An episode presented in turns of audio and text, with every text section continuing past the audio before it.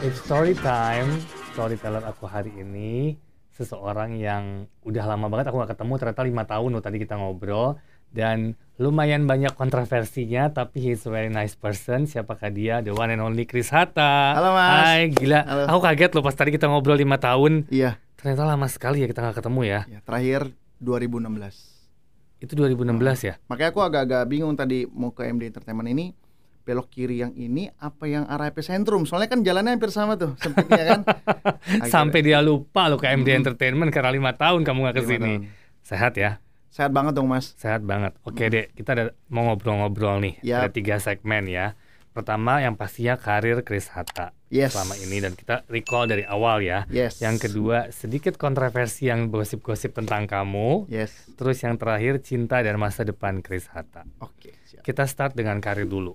Awalnya kamu bisa masuk ke dunia entertain tuh gimana? Mas Sanjay kan saksi hidupnya mungkin kalau misalnya dibongkar database dari MD Entertainment ini kan kelihatan ya foto-foto di saat dulu gitu kan mukaku kayak gimana gitu yang jelas ya udah lama sih mas ya dari Mas Itu- Sanjay masih muda juga Oke, sekarang Ya. udah tua ya. itu sekitar maybe 10 tahun kali ya. itu 2008 mas 2008. Kalau nggak ya. salah waktu pertama kali aku screen test di MD ini kantornya masih di Tanah Abang Yes. dan produksi waktu itu adalah Cinderella. Oke. Nah, gue inget aja tuh zaman Cinderella itu adalah awal aku merintis karir di dunia hiburan. Awalnya kamu dari mana? Asalnya kamu dari mana? Dari Jakarta atau dari luar Jakarta? Emang udah di Jakarta, Udah menetap di bukan Jakarta. dari daerah ya. Oh, bukan dari daerah. Terus kenapa kamu pengen masuk ke dunia entertain? Ya karena memang itu yang aku kejar karena aku punya punya cita-cita jadi pilot kan sebenarnya Eh, minta izin sama papa bisa nggak nanti aku jadi pilot gitu. Cuman mama papa bilang ya mohon maaf gitu kan karena sekolah pilot lumayan mahal. Jadinya itu untuk menggantikan cita-citaku jadi pilot ya aku terjun ke dunia hiburan aja. Di awal-awal pasti kan kamu banyak menemukan kesulitan kan? Iya. Eh, maksudnya kan nggak segampang itu kamu bisa langsung masuk dan bisa Iya. langsung syuting. Itu perjuangan kamu seperti apa? perjuangannya masuk manajemen artis ya Mhm. headline manajemen akhirnya di dalam manajemen itu kita dikursusin dulu ya sekolah acting sekitar enam bulan tapi sekalian berjalan juga kalau ada syutingnya syuting nggak ya kita sekolah aja terus habis itu nextnya aku minta lagi minta untuk dikursusin presenter Oke. akhirnya aku masuk talking ya kan talking di situ aku belajar sama Coki Sitohang sama siapa sih host-host yang udah lumayan Udah senior lumayan lah di situ ya di situ banyak ya. Becky Tumewu kalau nggak salah. Yes, betul. Ya udah, akhirnya dari situ sedikit demi sedikit ya kurang lebih 10 tahun aku bergelut di du, apa di dunia seni peran dari FTV ke FTV ya sampai akhirnya pernah nyangkut juga di program Indie Entertainment ini. Yes, kita sempat syuting tiga kan kalau nggak salah. Iya, Ada Keisha ya, Manusia Keisha, Harimau. Manusia Harimau, Dan yang terakhir SCTD The Surga yang Series. tak dirindukan The The Series. Series. Nah, pengalaman kamu setelah syuting-syuting itu gimana? pengalaman aku ya jadi makin banyak pengetahuan gitu ya bagaimana cara untuk pengambilan gambar, editing semua dan akhirnya ilmu-ilmu itu bisa kita pakai di saat saat ini nih lagi apa rame-ramenya bikin konten YouTube ya. Yes. Aku ambil dari situ ilmunya. Gitu. Kayak misalnya bikin podcast gini Mas Anji mah aku bisa kerjain sendiri Mas. Oke. Kalau ini kan banyak nih timnya. Kalau ini aku bisa kerjain sendiri gitu. Oke. Ya itu doang hikmahnya itu banyak Oke. ilmu yang bisa diserap. Terus bagaimana cara kita apa namanya eh, menjaga relasi dalam dunia hiburan tuh bagaimana. Semua aku pelajari dari headline management juga sih. Oh, Oke. Gitu. Terus lagi bisnis apa sekarang? Kebetulan bisnis aku baru banget eh, selesai ya. Ya. Waktu itu terakhir cuci mobil Mm-mm. sama coffee shop gitu. Harus terhenti Mas dengan sangat berat hati terhentinya bukan karena kegagalan aku memaintain usaha itu, tapi dengan adanya problem yang sangat besar di tahun 2019 awal. Jadinya selama satu tahun tempat itu tidak berkembang dan akhirnya tidak bisa bayar gaji karyawan dan tidak bisa memperpanjang tempat. Jadi mau nggak mau kita harus Nah, close. Kamu gimana tuh ngatasin dilema itu kan banyak sekali pro kontra pastinya dan banyak sekali gosip-gosip yang keluar ya Mm, tentang tentang cerita-cerita itu gitu loh. mm. Jadi apa tuh yang kamu rasakan dan gimana kamu memanage yang kamu tadi bilang nggak bisa bayar gaji karyawan lah segala macam. Pasti kan mereka ada tuntutan-tuntutan mungkin mungkin. Mhm. Ya paling tuntutan dari karyawan itu ya cuman apa ya waktu itu terakhir yang pas lagi lebaran tuh apa sih namanya mas? Minta apa ya? Pas lebaran THR, THR, itu ya, doang. ya. Itu dong tuntutan dari mereka. Udah itu selebihnya memang pas aku lagi mau pengembangan lagi buka iklan lowongan kerja masuk banget eh banyak banget masuk gitu kan soal-soal lamaran pandemik lah di bulan Maret itu. Nah di saat lagi Maret, April, Mei aku masih bertahan, nggak taunya diperpanjang kembali dan akhirnya aku angkat tangan ini nggak bisa gitu. Oke. Jadi berbarengan banget tuh. Di saat aku kena masalah, pas aku pulang, ya kan, kan aku kena masalah dua kali nih mas, ya kan, dua kali. Yang pertama pas aku pulang aku masih pede, Ya. ya kan, baru bebas 20 hari, akhirnya aku masih mesti masuk lagi. Nah pas yang keluar yang kedua sih aku masih agak pede, tapi nggak sebesar yang pertama gitu Oke. mau dikembangkan lagi pandemik gitu kan jadi memang dum dum dum dum dum gitu Dalam waktu yang bersamaan Mm-mm. ya. Waktu bersamaan. Dan semua tabungan dan investasi segala macam kan harus banyak yang hilang gitu. Jadi Tapi kamu clear up everything semua dengan baik-baik. baik baik kok. Baik-baik semua Ah. dengan karyawan dan semuanya. baik semua. Oh, sampai det- sampai detik ini juga baik. Ya karena mungkin aku juga harus makasih banget dengan program reguler aku sih mas. Ya. ya dengan adanya program itu yang terus percaya sama aku ini selama tiga tahun jadi yang kemarin habis ya akhirnya bisa terkumpul kembali dan terkumpul kembali gitu Terus sempat juga ada baca ya, sempat saya baca bahwa kamu tuh pengen jadi pengacara ya. Iya. Kok sekarang bisa lari nih? Art, awalnya pilot, terus Uh, artis, sekarang Ah. pengacara. Gimana tuh? oh kalau kuliah memang aku ngambilnya Hukum. sarjana hukum mas. Nah, dulu. itu kan itu kontroversi semua, bukan maksudnya berbeda semua tuh Iya. antara yang pertama kamu pengen pilot dan ke artis ke Ah. pengacara hukum. Kalau yang pilot itu memang aku pengennya cari duit, sekian jalan-jalan. Mindset aku gitu ya kan. Kalau yang pengacara itu sebetulnya aku ngikutin temen. Aku kuliah sarjana hukum, kan aku nggak pinter matematika ya mas. Oke. Aku nggak pinter hitung-hitungan dan aku tuh ngerasa kalau misalnya kita adu argumen sama orang gitu, tahu aja lah aku cara ngelesnya.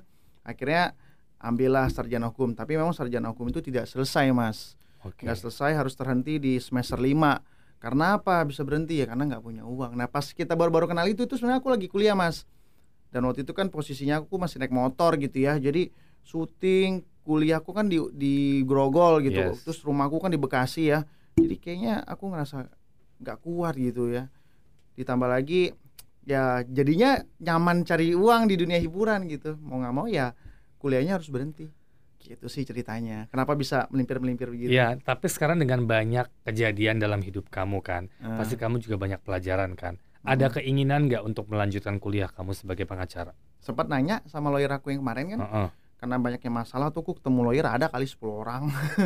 10 orang akhirnya kan jadi bisa eh, menyaring gitu. Mana Yes. lawyer yang baik mana lawyer yang ada maunya gitu kan. Akhirnya aku temukan yang baik. Hmm. pas aku udah temukan yang baik dan yang klik aku tanya gue mau jadi pengacara tapi gue nggak mau kuliah 4 tahun ya? Ada nggak cara cepetnya? Gitu kan. Ada nggak kelas yang bisa cepetnya gitu Iya. loh. Ada Kris tahun doang katanya. Oke. setahun ntar Senin sampai Jumat lagi kuliahan gitu. Gue juga harus ada syuting gitu kan. Ya itu sih udah ada informasi itu. Cuman memang belum aku lakukan aja mas. Belum kamu lakukan. Hmm. Tapi ada keinginan ke sana. ada keinginan itu. Karena aku lihat negara ini nih apa-apa lapor ya mas ya. Pokoknya pekerjaan polisi jaksa agung ya hakim aku rasa itu pekerjaan yang sangat potensial di masa depan Iya sih, yang penting jujur lah, ya kan? Yang Ya, penting penting jujur, jujur. serius melakukan suatu.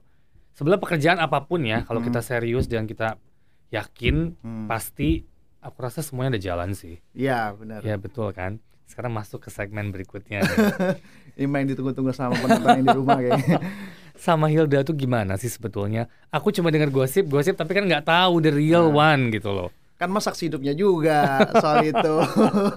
Sebenarnya antara saksi dan nggak saksi sih. ya mas Anjay pokoknya cukup lumayan inilah mengetahui ya. Ya kan aku kenal Hilda juga dari Reza kan. Betul dari Reza itu kan headline manajemen aku terakhir ke sini pun juga sama Hilda juga terakhir Betul, ya. betul. Mm-mm. ya mas sendiri bisa lihat lah ya memang aku sama dia memang Serius. real dan serius gitu real pernikahannya juga gitu dan waktu kita lagi syuting surya apa surga, Surga yang yang tadi rindukan. tak dirindukan itu itu posisi aku udah berumah tangga mas gitu itu Hmm. posisinya kenapa dia selalu ngintil aja ke mana Iya. aku pergi gitu loh ya itu benar sih mas Bener ya. Tapi kenapa bisa ada eh, obrolan-obrolan dan omongan-omongan mengenai buku nikah lah, inilah, itulah. Maksudnya kan itu kan sempat heboh banget kan gitu kan. Itu gimana tuh?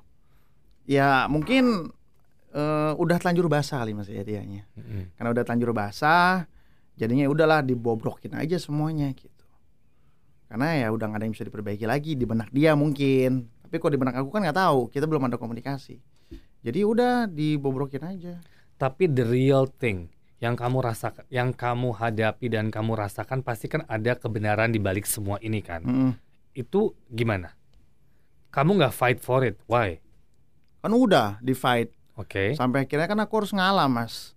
Aku ngalah ya aku kan di itu dulu dikungkung dulu kan tiga Nah, bulan. Itu gitu. gimana sampai bisa kamu masuk ke sana kalau emang secara prosedur, secara eh, saya nggak tahu kamu Hmm. punya bukti-bukti yang kuat apa enggak karena Hmm. saya nggak saya nggak terlalu ngikutin kasus kamu ke sana tapi lebih ke yang eh, kamu bisa masuk tuh gimana sampai bisa masuk gitu loh. Ya namanya juga kan kalau pihak polisi itu kan belum bisa memutuskan sebuah kasus ya mas ya. Mm-mm. Dia kan cuman paling nerima terus disidik gitu kan habis di- disidik kan dilidik gitu. Ya mungkin di benak di benak polisi ya mungkin saya bersalah tapi kan yang memutuskan kan bukan dia. Akhirnya udah nggak apa-apa sih. Memang memang udah jalannya aku harus masuk dulu mas biar biar semuanya itu jadi terbongkar gitu. Kalau misalnya aku nggak masuk, ya kita cuman saut-sautan di media dong, mas capek juga gitu. Jadi mendingan ya nggak apa-apa deh gue masuk gitu kan. Pas lagi masuk kan ada namanya peradilan gitu Yes. kan. Nah dengan ada peradilan itu kan jadinya terbuka gitu. Dia dipanggil jadi saksi, dia ini, dia ini, dia ini, dia ini. Jadi biar masyarakatnya yang bisa nilai gitu. Berapa lama kamu di dalam? Tiga bulan. Nah, pelajaran apa yang kamu dapatkan di dalam? Pasti kan kamu lebih introspeksi diri, pastinya kan. Ah. Kami mungkin lebih banyak mendekatkan diri dengan Tuhan. Kalau yang kasus saya pertama, aku ambilnya kok negara gini amat gitu doang sih mas. Bukan bukan dari kesalahan akunya gitu. Mm-mm. Kok negara gini amat ya? Orang kan masuk penjara itu biasanya telah melakukan pelanggaran pidana secara kriminal gitu. Kalau nggak merugikan orang lain gitu kan. Nah ini gue masuk masuk ke sini memang sih belum diputus bersalah juga gitu. Memang putusan hakim juga aku menyatakan tidak bersalah mas. Cuman sedihnya itu tidak kok negara gini amat kok memenjarakan orang yang tidak bersalah itu aja. Harusnya negara harus mengganti kompensasi lah, kompensasi pergantian rugi. Aku selama di situ kan tidak bisa bekerja gitu. Banyak banget pekerjaan-pekerjaan yang harus tercancel gitu. Dan harusnya negara bisa mengganti itu. Itu sih yang aku kecewa. Kalau misal di luar negeri itu mungkin saya udah pegang miliaran itu mas. di penjara tidak bersalah gitu kan. Tapi ya di Indo kayak nggak bisa deh kayak gitu. Ya, sekarang serah nama Tuhan aja kan. Iya yang mau penting mau berbuat baik ke depannya, lebih ah, fokus sama mungkin apa yang kamu harus kamu kerjakan. Iya paling gitu aja sih pas eh, aku pulang kasus yang kedua kan Desember ya. Ya. Pas hari ibu udah tuh bulan Januari, Februari, Maret ya aku push kerja aja Tuhan baik sih ngasih aku ngasih aku pekerjaan lagi. Aku dipanggil lagi tuh di program reguler di situ. Oke. Jadi itu yang bikin aku jadi terselamatkan. Do you still love her? Ah, no comment mas kalau soal itu. no comment mas. Kamu juga sempat bilang kan pernah ditawar 150 juta demi semua settingan ini. Bener nggak? Eh, bukan settingan yang sama Hilda loh mas. Oh, Maksudnya Jadi itu yang bukan banyak yang salah kaprah mas. Oke, itu. makanya kita nggak tahu nih. Saya juga nggak tahu. Ah, kalau yang sama itu si Hilda sama Billy itu itu bukan settingan mas itu the real real banget gitu kan. Kalau yang 150 juta yang mas mau tanya ini adalah banyak banget teman-teman dari artis ya yang baru terjun di dunia hiburan entah itu penyanyi dangdut bahkan ada anggota DPR juga yang ingin mencalonkan diri ya supaya namanya terdengar ya sampai mau hubungi saya untuk mengajak settingan gitu. Oh, untuk untuk ada pamor atau Iya. mungkin punya punya punya agenda sendiri lah ya. Iya, jadi dia menawarkan saya uang ya sampai segitu nominalnya. Kok tinggi sekali? Ya belaga bego aja lah aku kan mas. Belaga-belaga nggak tahu kenapa tinggi sekali ya gitu. Ya akhirnya ya mereka bilang dana segitu ya harus yang paket lengkap katanya Oke. sampai bawah cara award lah gitu. Oke. Pokoknya 150 juta itu bisa sampai red carpet mas. Oke. Kamu tertarik nggak dengan hal seperti itu kemarin? Untungnya sih nggak mas. Walaupun pada waktu itu kamu lagi nggak punya uang kasarnya. Iya, aku nggak nggak. Aku mm, nggak mau jadi image aja sih mas. Kenapa? Nggak suka aja. Aku tuh ya jaga image memang susah mas. Ya sekarang kan nggak ada tuh namanya Chris Hatta embel-embel settingan sama cewek ini kan nggak ada. Tapi kan dari jumlah nominal lumayan menggiurkan. Nggak mas. Nggak sih biasa aja sih. Aku untungnya orangnya nggak yang gila-gila duit banget lah. Oke. Heeh, yang penting cukup gitu kan. Ditambah kan aku juga belum punya anak gitu. Iya. Aku belum punya yang harus ditanggung. Jadi 150 juta ah enggak lah nggak tergiur mendingan kalau misalnya ada nih yang ngajakin settingan gitu. Hmm. ada sih mas yang cakep juga gitu. Oke. Aku suka juga gitu. aku bilang sama dia, udah lu simpen aja duitmu baik-baik. Nggak usah settingan usah berarti settingan ya. malah. Pacaran beneran, Beneran aja, aja. ya. Tapi berproses, lu nggak bisa kejar sampai tiga bulan, lu boom nggak bisa. Hmm. Ya pasti yang jelas dia akan seumpetin dulu mas, untuk ngeliat dulu ketulusan dia bagaimana gitu. Cuman ya wanita zaman sekarang maunya cepat gitu kan. Heeh. Ya dia dia baru mulai 2017 mau booming jadi big star ya susah. Saya mulai dari 2008 ya kalau misalnya dia mau cepat ya saya rugi gitu masalahnya Iya, gitu oke. kan. Makanya dia tawarkan saya uang. Kalau uangnya saya nggak mau ya santai-santai dulu kita kita jalanin dulu mungkin setahun baru gue blow up. Nah dia nggak mau kayak gitu. Oke. Ya udah nggak jadi.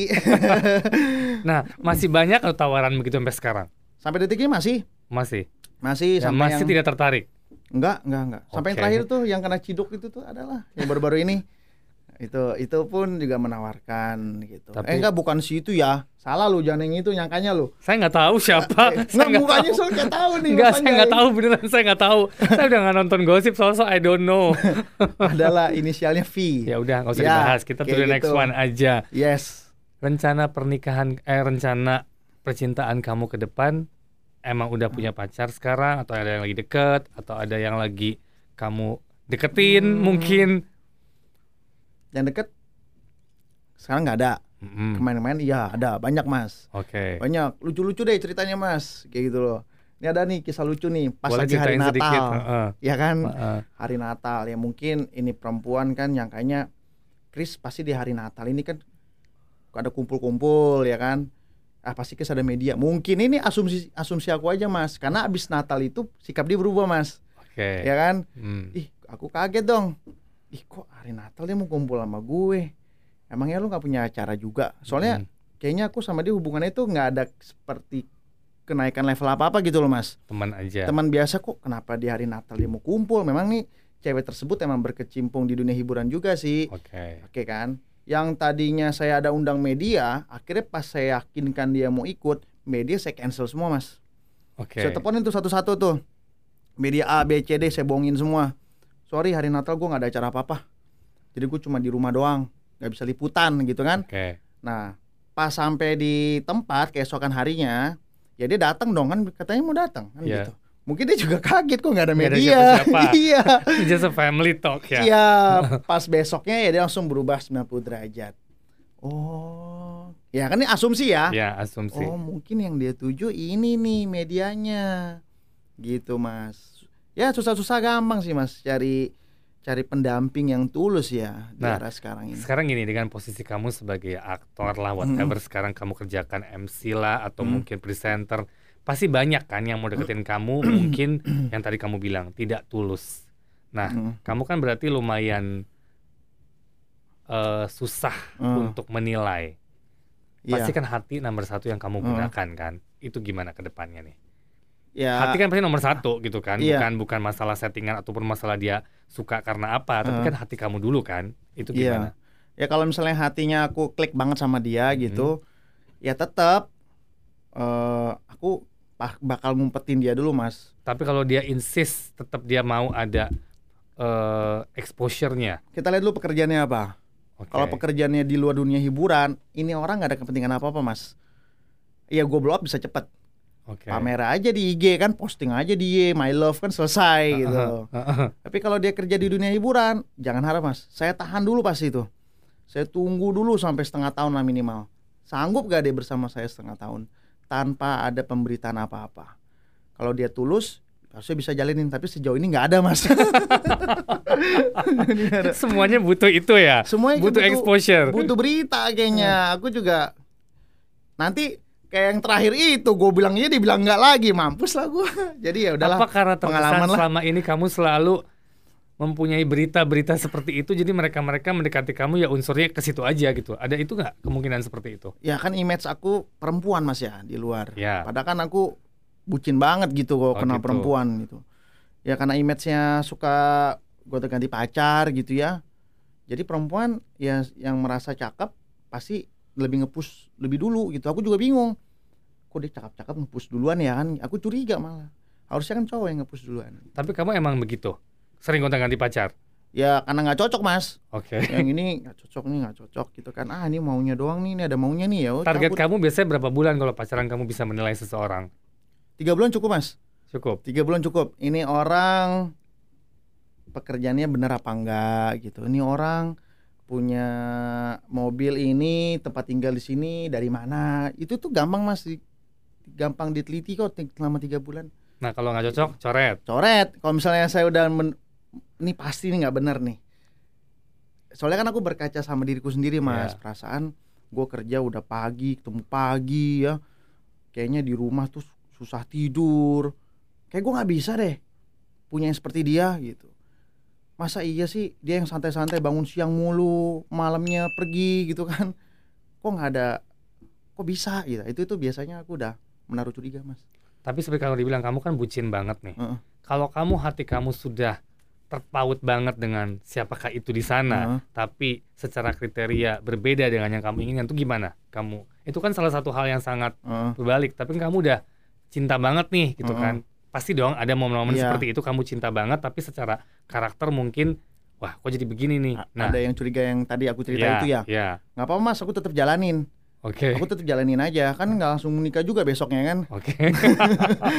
jalanin aja dulu ya kan? Seberapa sanggup dia men- menutupi menutupi kartu AC dia gitu. Oke. Ntar yang capek dia sendiri sih mas. Dia gerak sendiri biasanya. Dia yang menghilang sendiri. Ya bagus lah.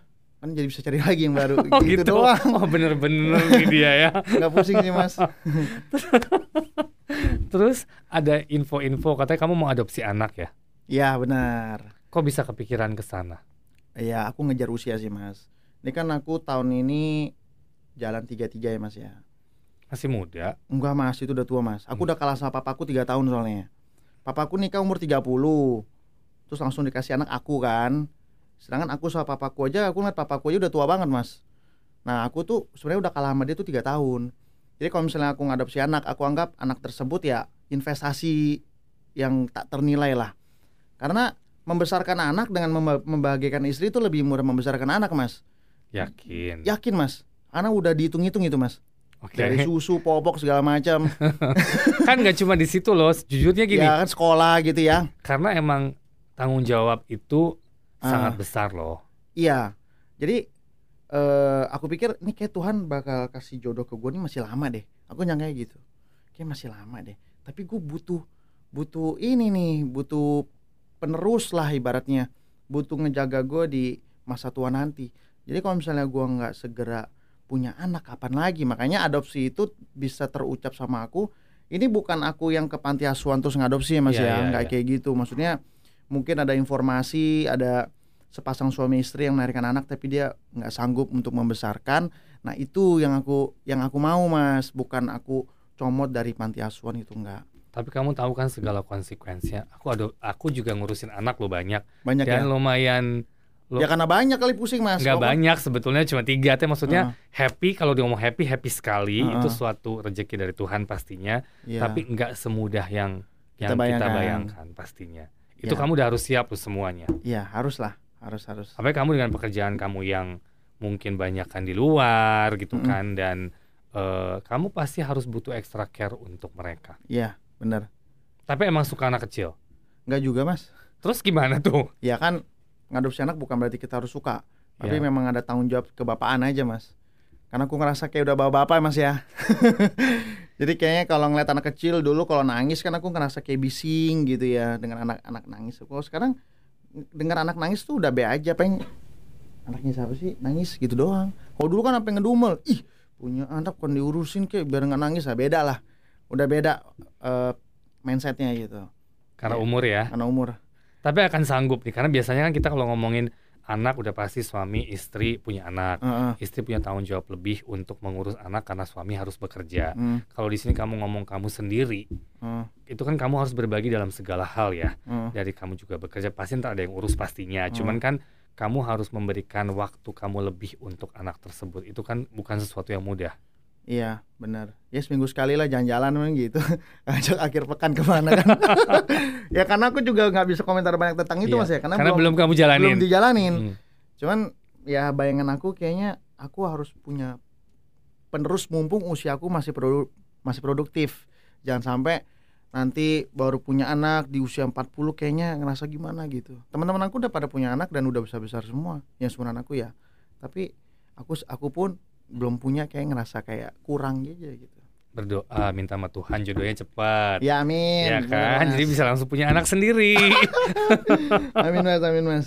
Oke, melihat semua kejadian ya, gimana menurut kamu kisah hidup dan cinta kamu selama ini? Kalau kalau segi cintanya sih aku gagal banget ya mas ya. Pokoknya aku ngerasa gagal sih cintanya. Tapi kalau pekerjaan untungnya enggak. Tuhan memang kasih kita balance sih untungnya. Ada yang yang ini kurang diproin, yang ini pasti dikasih lebih gitu. Terus kalau dari segi eh, emosional itu aku ngerasa happy sekarang. Aku nggak terlalu banyak pikiran ya. Lebih pusing yang dulu kita terakhir ketemu itu masih uh, pusing banget itu. Sekarang nggak gitu aja sih. Nah, gimana kamu mengkontrol semua emosi kamu ini? Karena kan maksudnya eh, dengan segala kejadian hidup kamu, segala eh, experience yang kamu hadapi, mungkin kamu kan lebih pendewasaan diri kamu pasti lebih Oh. lebih clear kan? Mungkin kamu lebih calm down. Apakah kamu sekarang menjadi orang yang lebih lebih calm, lebih bisa menerima hal, lebih bisa adjust dengan hal seperti apa? Mungkin kamu masih muda, kita kan manusia, berbeda kemauannya, semangatnya, atau mungkin juga egonya gitu kan. Sekarang kamu bagaimana me- menurunkan semua itu dan mungkin lebih bisa lebih wise. Oke. Paling yang pertama itu ada, adalah aku memperkecil dulu circle lingkungan aku bergaul, Mas. Itu kayaknya aku nggak perlulah punya teman banyak-banyak gitu. Relasi banyak itu perlu, teman nggak perlu sih menurut aku. Jadi itu diperkecil dulu supaya kita juga eh, terhindar dari mara bahaya ya. Takutnya kan ada orang yang baik di depan, buruk di belakang gitu. Udah itu lebih tenang aja sekarang menghadapi masalah gitu ya ini faktor memang yang karena kemarin itu aku dapat masalah besar itu yang jadi aku jauh lebih tenang sih dalam mengatasi emosi. Pas lagi nyetir di jalan tuh biasanya aku kan lebih suka agak gemes gitu sama Iya. orangnya. Kalau ini enggak ya udah deh lu lewat gitu. Itu udah itu dari segi apa ngomong ke media ya mungkin aku lebih sedikit berkurang sekarang dimintain pendapat soal covid atau apa kayak menurut aku itu yang nggak sekiranya menguntungkan aku ya aku hindari aja sih yang sekiranya tuh nggak bikin apa nggak bikin aku maju itu udah aku hindari aja makanya ah, sekarang sekarang mungkin aku agak ngilang di media gitu ya memang ah ini nggak ada kaitannya sama gue dan gue ngerasa gue nggak terlalu pintar untuk menjawab itu atau untuk memberikan eh, argumen yang yang bagus gitu jadi lebih baik aku hindari hindari aja mas jadi lebih banyak hindarin sih daripada kita harus berhadapan gitu. Kalau dulu kan kayak ngerasa arogan ya, waktu belum kena masalah kan Betul. ngerasa kayaknya ya gue bener ya lu mesti dengerin gua gitu. Wah itu banget sih, kelihatan banget sih bedanya. Ego masih muda ya. Mm-mm, ego anak muda gimana Uh-uh. gitu. Terus sekarang walaupun gua tahu pun ya udah eh, diam-diam aja. Soalnya pasti ada banyak counter yang bisa dilakukan oleh orang-orang yang nggak suka sama gua maju gitu mas. Itu aja biarin aja mereka eh, apa melihat gua dari segi dari segi media tapi yang sangat berpotensial gitu.